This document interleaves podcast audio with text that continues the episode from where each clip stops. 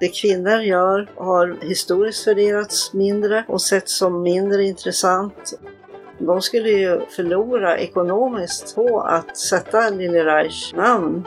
Värdet skulle rinna ut mellan fingrarna som sanden.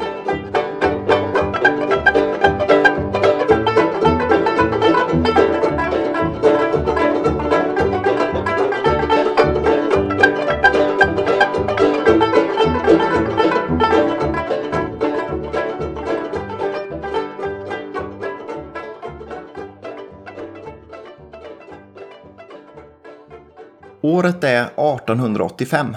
Platsen Berlin i hjärtat av det tyska kejsardömet. En förbundsmonarki med den mustaschprydde Otto von Bismarck som rikskansler. Berlin har blivit en mäktig industristad med över en miljon invånare, men med en infrastruktur som knappast mäktar med den växande befolkningen. Arbetarna har tvingats ut i fattiga områden med dåligt byggda hyreshus som bildar en ring kring den gamla stadskärnan. Områdena kallas Mietskasernen hyreskaserner och präglas av en misär omöjlig för en utomstående att föreställa sig. I detta Berlin föds Lilly Reich, men den unga flickan behöver inte oroa sig för pengar eller usla bostäder. Hon föds in i en rik familj och kan studera på en finare flickskola fram tills hon är i 18-årsåldern. Efter studierna börjar hon arbeta med broderi, en syssla som anses passande för en kvinna. Vid 23 års ålder, 1908, flyttar hon till Wien och kommer där i kontakt med Wienerwerkstätte och Josef Hoffmans kollektiv av progressiva konstnärer och formgivare. De strömningar som uppstår i Wien under den här tiden kommer att påverka västvärldens formgivning under hela 1900-talet. Syftet är att hitta nya former och nya stilar som är bättre anpassade för det moderna sättet att leva. Vissa historiker menar att Lili Reich, bara 25 år gammal, hjälper till att formge flera av Hoffmans klassiska möbler däribland den kubformade fåtöljen Kubus. Snart återvänder hon till Berlin med såväl erfarenheter som nya radikala idéer i bagaget. Men det är inte många områden som öppnar för en kvinnlig designer. Mer eller mindre självvalt börjar hon arbeta med textil och dammode. Samtidigt inleder hon en karriär som inredare på ett varuhus i Berlin. Åt Elefanten Apoteke gör hon en nyskapande skyltning som inte bara visar produkten apoteket säljer utan också föremål som används i tillverkningen. Piller och pulver blandas med labbutrustning och vågar. Skyltutformning och utställningslokaler kommer med tiden att bli två av Reichs paradgrenar. 1912 är det åter val till riksdagen och trots kejsar Wilhelm IIs ansträngningar att bekämpa socialismen blir Socialdemokraterna största parti. Makten ligger ändå kvar hos högerliberaler och katolska kyrkan som tillsammans med kejsaren eldar på militarism och kapprustning. Många tyskar flyr landet för att slippa bli inkallade till kriget som ser ut att komma allt närmare. Även för Lili Reich är 1912 ett händelserikt år. Hon är med och arrangerar utställningen Kvinnan hemma och på arbetet och blir medlem i Deutsche Werkbund.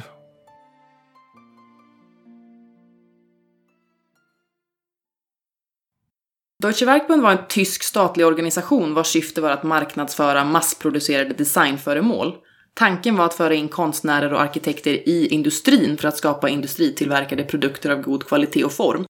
Och det kom ju många liknande organisationer och tankar sen i andra länder och, och hela Europa. Åt Verkbund arrangerar Reich en rad utställningar som ger henne ett gott rykte i designkretsar och det leder faktiskt till att hon 1920 får en plats i organisationens styrelse som första invalda kvinna. Att en kvinna tilläts få en ledande position var ändå oväntat eftersom att kvinnor på den tiden inte ansågs ha samma förmågor som män när det kom till design och arkitektur. Nej, precis. Och därför måste man ju se Lili Reich som en pionjär. Men samtidigt ska man ju inte glömma bort heller att en förutsättning för att hon kunde få den här positionen, det var att hon tillhörde överklassen. Att hon var från en familj som hade inflytande. Bland annat då så fick hon ju inte så mycket pengar för sitt eh, arbete utan det var ju mer att betrakta lite som ett extraarbete ändå. Eh, medan kvinnor från arbetarklassen, de tvingades ju arbeta med tungt fysiskt arbete kanske för att dra in pengar till, till mat för dagen då. Runt 1924 så händer det någonting som får väldigt stor betydelse för den här berättelsen. Och det är att hon träffar arkitekten eh, Ludwig Mies van der Rohe.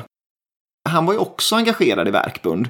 Och idag betraktas Mies som en av de allra viktigaste personerna när det kommer till modernismen. Det här samarbetet mellan Mies och Reich det pågår under en lång period, ända fram till 1938. Och ja, de samarbetade i allt de gjorde, även om man inte vet exakt hur det här samarbetet organiserades. Man vet att de hade separata ritkontor, men att de liksom samtalade och konverserade om alla de här olika projekten väldigt intensivt. Det är något som de som jobbat med dem under den tiden har berättat. Så att eh, trots att de hade olika kontor så hade de ett väldigt intimt samarbete. Mm, fast det var då mer muntligt och inte så mycket Ja, precis. papper, Exakt, ja. Reich ska tydligen ha haft en fallenhet för organisation och ekonomi, vilket inte alls Mies hade. Så utan henne så hade han ju varit lite vilsen. De flesta som kände dem menade att de var ett par också privat och det styrks bland annat av deras omfattande brevväxling men också att de under ett arbete med en utställning i Stuttgart delade på en liten enrumslägenhet. Något som man ju faktiskt inte gjorde om man inte var gifta på den tiden. Och det här är ju en väldigt produktiv period för både Mies och Reich. Eh, de gör flera stora utställningar tillsammans för Verkbunds räkning och det tillkommer också eh, flera kända möbler. Och det här handlar ju om stålrörsmöbler så att det är ju tidstypiska, väldigt funkismöbler. Och bland annat så ritas eh, stolen MR20 som en del kanske har sett. Det som är gemensamt för de här möblerna är att de idag tillskrivs Mies van der Rohe. Men en del möbler såldes på den här tiden i Reichs namn. Och hon blir faktiskt första kvinnan att rita en hel serie stålrörsmöbler. Och det är eh, faktiskt ganska roligt när man tänker på det för att eh, just stålrörsmöbler är ju så långt ifrån kvinnligt man kan komma om man tänker så här traditionella värden. Redan från 1927 så inriktar sig faktiskt eh, Lili Reich i huvudsak på möbeldesign. Men idag så är det ju helt Mies möbler man fokuserar på i forskningen och det är de som är välkända. Det manliga geniet det är ju en bild som omhuldas och har omhuldats och fortfarande omhuldas konstant kan man säga i vårt samhälle. Den vi hör är Vera Gran, universitetslektor vid tema genus på Linköpings universitet. Man lyfter upp och formar det män gör som någonting verkligen exceptionellt och egenartat som verkligen bör hyllas och ställas på en piedestal. Men eh, när man skrapar lite grann under ytan så märker man ju att det är inte alls på det sättet. Utan det är så att män väljer män och kvinnor tenderar också tyvärr att välja män. Så att vi får en historieskrivning som är väldigt skev. Och där kan man se på många olika plan. Jag har ju då tittat på museer och hur museer skriver historia. Och där ser man ju samma sak, liksom hur man... Plötsligt är man inne på det här spåret. Man har bara glidit in på det utan att riktigt veta hur. Så suddas de ut på något konstigt sätt, alla samarbeten. Särskilt om det är kvinnor eller andra som har haft en underordnad betydelse då. Så formar man en historia med de här hjältarna och genierna. Jag vet inte om det kanske är ett behov av att skapa hjältar i själva verket som ligger bakom det här. Människans längtan efter hjälten som kommer och reder upp alltihopa.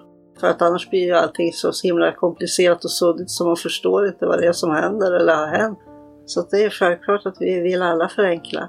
Det är liksom en inneboende sätt att förstå världen tror jag som vi alla har mer eller mindre.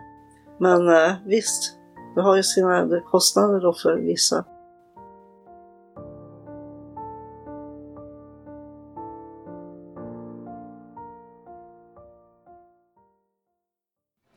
Sedan mitten av 1800-talet hade världsutställningar arrangerats, vilket var otroligt viktiga händelser för att skapa internationella handelskontakter. Från början handlade det mest om att sprida tekniska uppfinningar, men med åren blev utställningarna mer och mer en skrytfest där olika länder framhävde sig själva och sina bästa produkter. 1929 skulle världsutställningen arrangeras i Barcelona. Mies blir ansvarig för den tyska nationalpaviljongen och Reich får ansvaret för utställningshallarna, där det tyska konsthantverket ska ställas ut för allmän beskådan. Reich avlastar också Mies när det kommer till organisatoriska och ekonomiska frågor, vilket gör att han helt kan fokusera på den konstnärliga biten. I efterhand har ju Mies nationalpaviljong helt överskuggat det övriga tyska deltagandet. Ja, och till den här paviljongen så eh, ritades fåtöljen Barcelona. Och det är ju en av 1900-talets mest kända möbler och en riktig designklassiker. Hur skulle du säga att den ser ut? Eller kan du beskriva? Det är alltid svårt att beskriva hur en möbel ser ut bara med ord så här, men, men ser man den i profil så ser den ut som ett ja, mjukt format kryss. Eh, och stommen är ju i breda metallstänger. Och sen så känner man igen den på att eh, sittdynan och ryggdynan den är ju rektangulär och eh, i skinn. Och sen så är den ju uppbyggd av eh, liksom, fyrkantiga skinnbitar som är ihopsydda och sen så sitter det liksom knappar mellan dem. Och det, det ger ju ett väldigt så här, typiskt utseende. Och de flesta, eller ja, alla har nog egentligen sett den här stolen någon gång. Exakt hur det gick till när den här ritades, det vet man väl inte riktigt. Men eh, de, alltså, de flesta historiker är ju överens om att det är ett samarbete mellan MIS Mies och Reich. Till paviljongen så tillverkades sex stycken fåtöljer och åtta fotpallar. Och efter utställningen då revs ju paviljongen och det var ju enligt alla planer för att den skulle bara finnas under utställningstiden.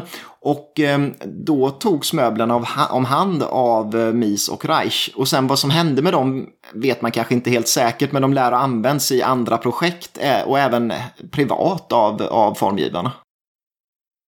1930 blev Mies rektor för Bauhaus. Det var ju då en tysk konstskola som grundades av Walter Gropius i Weimar 1919. Den kombinerade konst, arkitektur och hantverk och blev otroligt betydelsefull för modernismens framväxt. 1932 utser Mies Lilly Reich till ansvarig för vävverkstan och inredningsverkstan som också innefattade möbeldesign.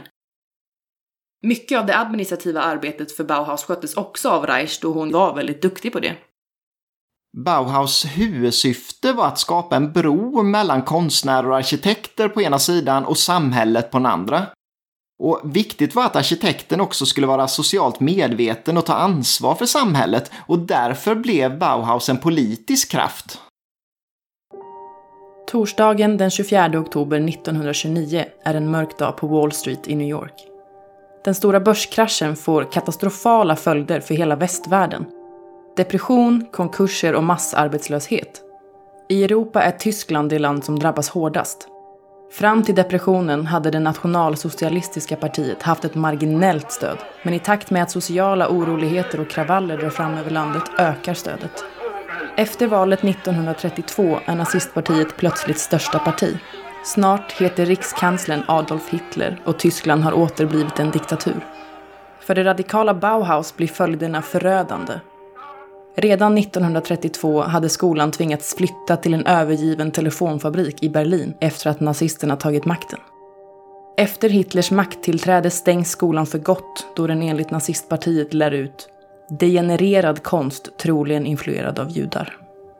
Många lärare och elever flyr utomlands vilket innebär att Bauhaus idéer sprids över världen. 1937 lämnar Mies van der Rohe Tyskland för USA men Lili Reich väljer att stanna kvar i hemlandet hon fortsätter arrangera konstindustriutställningar, men det blir med tiden allt svårare.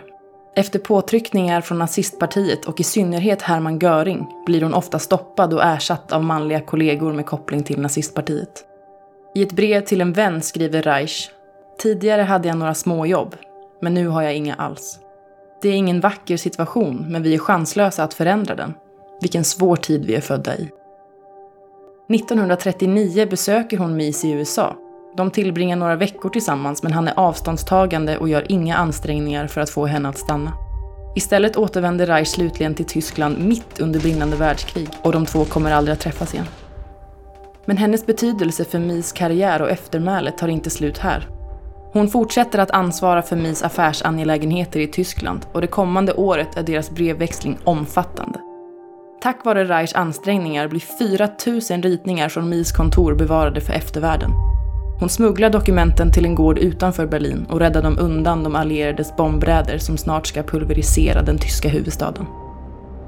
I november 1943 träffas Reichs studio på Gentinerstrasse av bomber från ett brittiskt Lancasterplan och de ritningar som inte hunnit smugglas ut ur staden går förlorade i den eldstorm som drar fram mellan stadens sargade byggnader.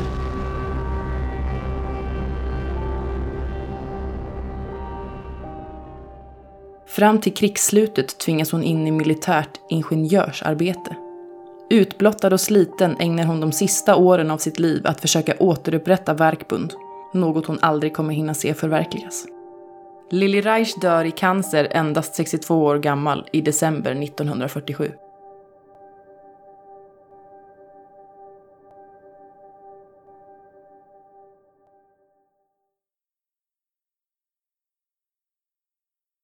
Än idag så säljs ju en rad möbler under MIS namn. Och eh, firman som har upphovsrätten på dem det är Noll International. Och mest känd är ju fortfarande Barcelona-fåtöljen som har blivit en sån här riktig statussymbol och som syns i ja, exklusiva interiörer, i filmer och ja, nästan varenda inredningstidning. Och att det är en exklusiv möbel det syns ju på priset för att den kostar mellan 70 80 000 eh, beroende på utförande. Och det var Mies som året efter eh, Lille Reichs död eh, sålde rättigheterna till Noll. Och det är ju intressant att notera att rättigheterna säljs efter att hon har dött. Vad det beror på det kan man ju bara spekulera om. Mies får efter en ganska lång process kontroll över de här ritningarna som Reich hade smugglat ut ur Berlin under kriget. De, de är ju först fast i östblocket, men 1964 kan MIS föra in dem i USA och då skänker han dem till MoMA, Museum of Modern Art i New York. Och det gör han ju ja, som ett sätt att säkra sin plats i designhistorien. Många år senare, 1997, hålls en utställning på MoMA till Lili Reichs ära. Syftet med den var att ge Reich erkännande för hennes bidrag till designhistorien.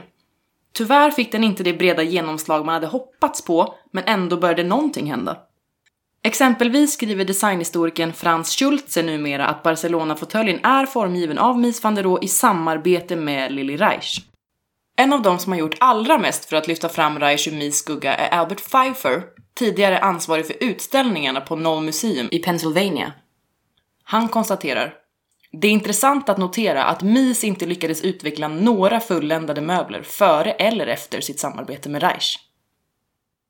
Och det finns ju en hel del klara problem med hur man använder källor i historieforskningen. De flesta traditionella källorna, de är ju skrivna av män för män. Och vi ska höra vad Vera Gran säger om det här. Det största problemet är ju då att man går till de skriftliga källorna som är mest kända. Man eh, upprepar samma sak åter och åter igen så man får samma historia som skrivs. När man tittar på själva strukturen, uppbyggnaden av historien så är det densamma som, som blir då. Man återkommer till samma bild om och om igen. Ett bra exempel på det här det är eh, arkitekten Philip Janssons eh, biografi om MIS från 1953. Jansson kände både MIS och Reich privat och han formligen avgudade MIS men Reich hade han ju inte mycket över för. Och eh, han, han, beskrev henne som en mycket otrevlig kvinna, helt utan humor. Det kändes att han störde sig på henne. Och hans åsikter och värderingar har ju legat till grund för mycket av den övriga forskningen om de här båda formgivarna. Vad kan man då göra istället för att återkomma till de här traditionella texterna som kanske inte ger en så rättvis bild? Vera Gran har några idéer. Man skulle kunna tänka sig i det här fallet när man tittar då på, på till exempel konst eller på formgivning att man kan se hur en konstnärs liv har förändrats eh, med hjälp av att titta på själva objekten, på artefakterna alltså som de har producerats. Och man kan se skillnader i om det här var det producerats under en period när den har varit själv då, om det finns någon skillnad gentemot de föremål då som har producerats när de har arbetat tillsammans. Det är ett sätt som man skulle kunna gå in och titta på och upptäcka kanske då skillnader på ett annat sätt än genom att gå till de skriftliga källorna. Man kan göra det kring intervjuer och man kan framförallt så kan man gå bakom alla arkiv och nysta vidare med hjälp av olika dokument som kanske inte är så kända. Därför att ofta är det så att en person kanske skriver att det finns ingenting i några arkiv skrivet förutom det här och det här och det här och det är bara negativa saker. Men om man går vidare så hittar man ju ofta flera olika andra källor som de bara inte har tagit med. Jag håller med det Vera säger. Det är absolut intressantare för en designhistoriker att titta på föremålen snarare än subjektiva skriftliga källor. Är det så att man kanske skulle kunna se influenser från Reichs tid i Wiener Werkstätte i möblerna om man tittar noga? Ja, och förutom de skriftliga källorna så finns det ju också muntliga källor och intervjuer som kan vara till stor hjälp. Traditionellt har ju muntliga källor avvisats som ganska oseriösa och inte tillförlitliga, men muntliga källor kan ofta ge en helt annorlunda bild av historien. Men kan man betrakta muntliga källor lika tillförlitligt som skriftliga? Jag är ju då etnolog i grunden och för mig är det helt självklart att se till människors egna röster och vad de har att säga.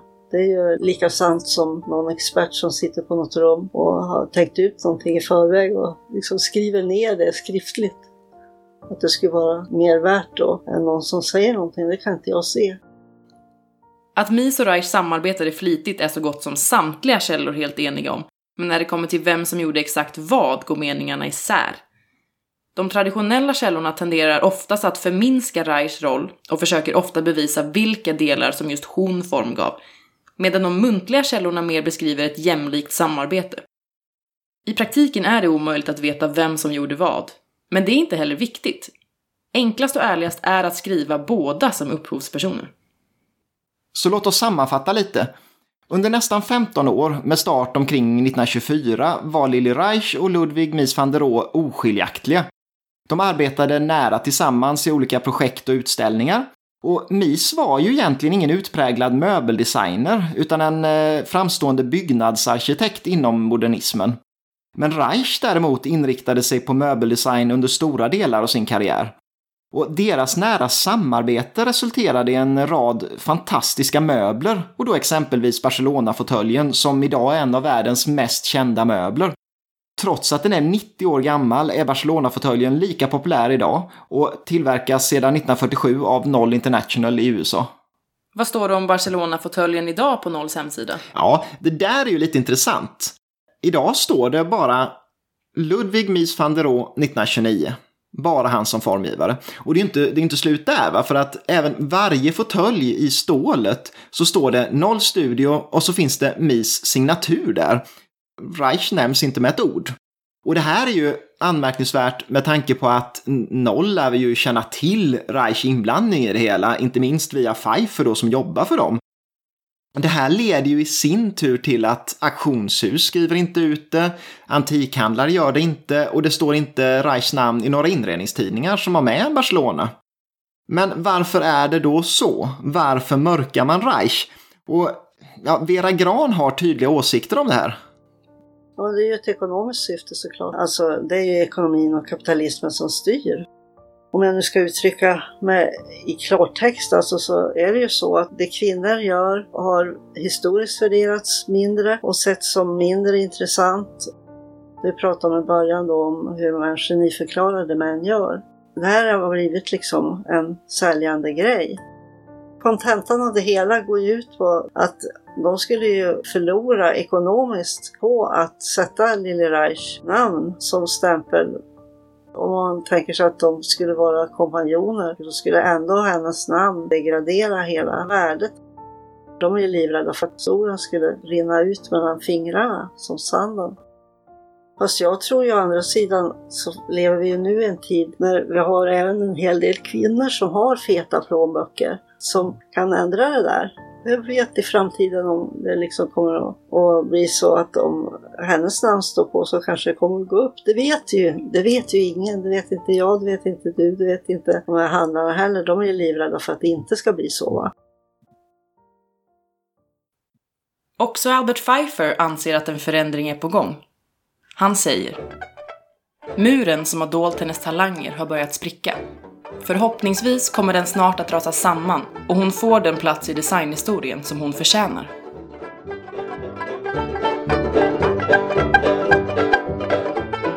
Designpodden produceras av Sanna Z Lundgren och Andreas Zetterqvist. Kom ihåg att prenumerera på oss där du lyssnar på poddar och följ oss på Instagram där vi heter Designpodden. Vill ni oss någonting går det jättebra att mejla på designpodden gmail.com.